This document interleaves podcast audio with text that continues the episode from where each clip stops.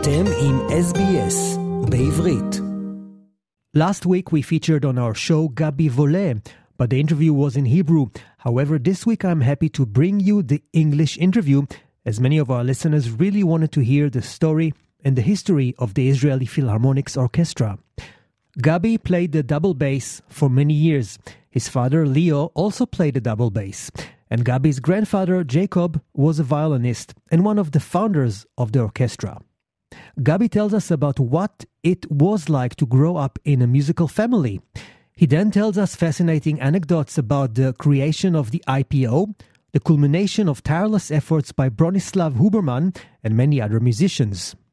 Gaby explains how grateful the Yishuv was back then to the support of world class anti Nazi musicians such as Arturo Toscanini and Adolf Busch, and relates it to the recent visit of Thomas and Brigitte Busch to the IPO. Hi, Gaby, and thanks for joining us today. Hello, nice to be with you. A little about yourself, where you come from? I'm a bass player, double bass player, and I played in the Israel Philharmonic Orchestra since 67 until I retired in uh, 2013. Do you still play sometimes? I'm sure you have plenty of free time. Well, I, uh, as a matter of fact, I play once in a while. They ask me whenever they need extra bass players, if someone is sick or, or there's a shortage of, of uh, bass players, they, they call me, and I'm always happy to come and play and uh, enjoy playing. I I loved playing in the orchestra, and I still love it. I love listening, and I love playing the uh, in the orchestra. So uh, it works out, and it's great. And on top of it, I'm also working in the archives of the uh, Israel Philharmonic with the digitation program uh, plan. Uh, where we're, we are changing all all the um, photos that we have. We put them into digitation Mm-hmm. So uh, I'm quite busy in that. Hmm. It's uh, good uh, to be occupied. So you are a third generation in the Israeli Philharmonics, which is rare. Your father played, your grandfather played, and he was actually involved with the creation of the orchestra, right? Yeah.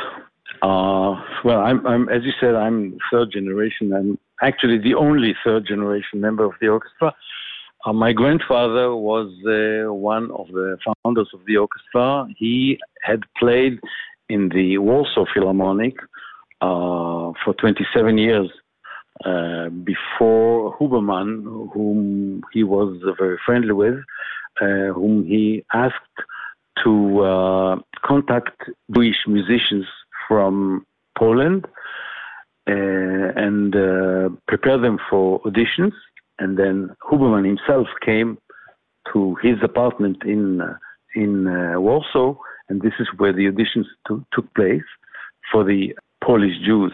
Then, of course, he came to, to Palestine and and uh, joined the orchestra and played until he retired. He played violin.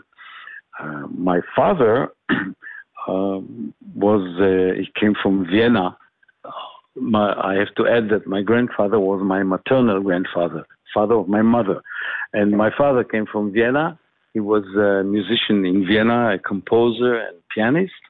And but when he came to Israel, um, there was no demand for that kind of music during the war. Everything was uh, there was a shortage of everything, and there was so he had to look for something for uh, for his living. And he started practicing the bass and uh, played an audition and made it and joined the orchestra. And uh, he was so diligent. He worked so hard that I, when listening to his practicing, I knew the the all the repertoire of the bass of the double bass years before I started playing the double bass because I heard it at home. It was also an advantage for me and uh, yeah, and then so he played until he retired, and then my my uh, myself I joined the orchestra in '67. Nice, nice. Now, the Israeli Philharmonic Orchestra was created in the 1930s, a very dark period for the world in general and for the Jewish people in particular. However, some famous musicians offered help to the orchestra back then. Could you tell us more about this? Yeah, well, uh, first of all, Bronislav Huberman, who was a very famous uh, violinist, uh, solo violinist, star musician during that period uh, between the wars, and uh, he initiated what was called then pan-European movement, uh, which later happened to be the European Union. But when he saw when the Nazis came into power, and he realized what was going to happen, he decided to uh, to uh, uh, postpone this idea and work on uh, creating an orchestra in Palestine, an orchestra of Jews in Palestine. And uh, he uh, contacted many people for help, financial help and moral help. And of course, he then also talked to Arturo Toscanini, who was the most famous conductor at that time and the most known conductor at that time and Toscanini agreed immediately to come and conduct the orchestra, and uh, and did it also for free. He didn't charge, and um, he came, and uh, this was the the greatest event, cultural event in in Palestine at that time. We're talking about December 1936, where. Uh, life was not easy at that time in uh, Palestine, and uh, here comes Arturo Toscanini, and uh, thousands of uh, people are standing in line to get tickets. Mm. Uh, and uh, this was the, the, the event, the major and practically the only event, musical event at that time. Yeah. And uh, it was so crowded they had uh, added one more concert and then and then uh, had people come to the dress rehearsal before uh, was really something. Mm. Arthur Toscanini wasn't a Jew, but he was strongly against the Nazi regime. Exactly, yeah, yeah. And he also he opposed uh, all the Nazis and of course Mussolini. He said he'll never. He was Italian. Arturo Toscanini. He said he'll never come back to, to Italy as long as Mussolini is in power. And uh, but he came immediately to to the Palestine Philharmonic. Mm, yeah, amazing. Let's talk for a moment about the last year visit of Thomas and Brigitta Busch in Israel. Could you tell our listeners more about that visit and also about the previous visit of Adolf Busch, the father of Thomas, almost 90 years ago? And what was so significant about this visit? Adolf Busch was a very famous violinist in Germany. At that time, he was not Jewish, and uh, uh, Bronislaw Huberman decided that he wants to uh, invite the first soloist to play with the Israeli orchestra, which had just been created or founded. He wants it to be German, non Jewish, but somebody who fought against the Nazis. And this was exactly Adolf Busch. He was against the Nazis, he was very clear in that and uh, and uh, he was invited here, and this was this was really something special for all the uh, yishuv, for all the Israelis who who were here, and um, my grandfather knew him well because he knew him also from previous engagements in Europe, and uh, there were quite a lot together. His concerts were were a big success here. Now years later a short time ago, uh, his son was here uh, with his wife, and this was very moving for me to suddenly see his the son of of, of the violinist who was the first soloist of our orchestra. Mm. So hmm. this is like uh, closing a circle. Amazing. It was very very moving, very interesting. Beautiful. Gaby, I have to ask you now about your world tours, especially here in Australia. How was it and how many times did you visit here? Yeah, as a matter of fact, I've been in Australia a few times, always with the orchestra on our tours. My first tour uh, to Australia was in 1978. Um, uh, at that time, we played in Melbourne in Town Hall, which was an old building, beautiful but old building. Uh, the heat was uh, practically unbearable, and we also had spotlights on stage for TV, so it was even warmer or hotter, I would say.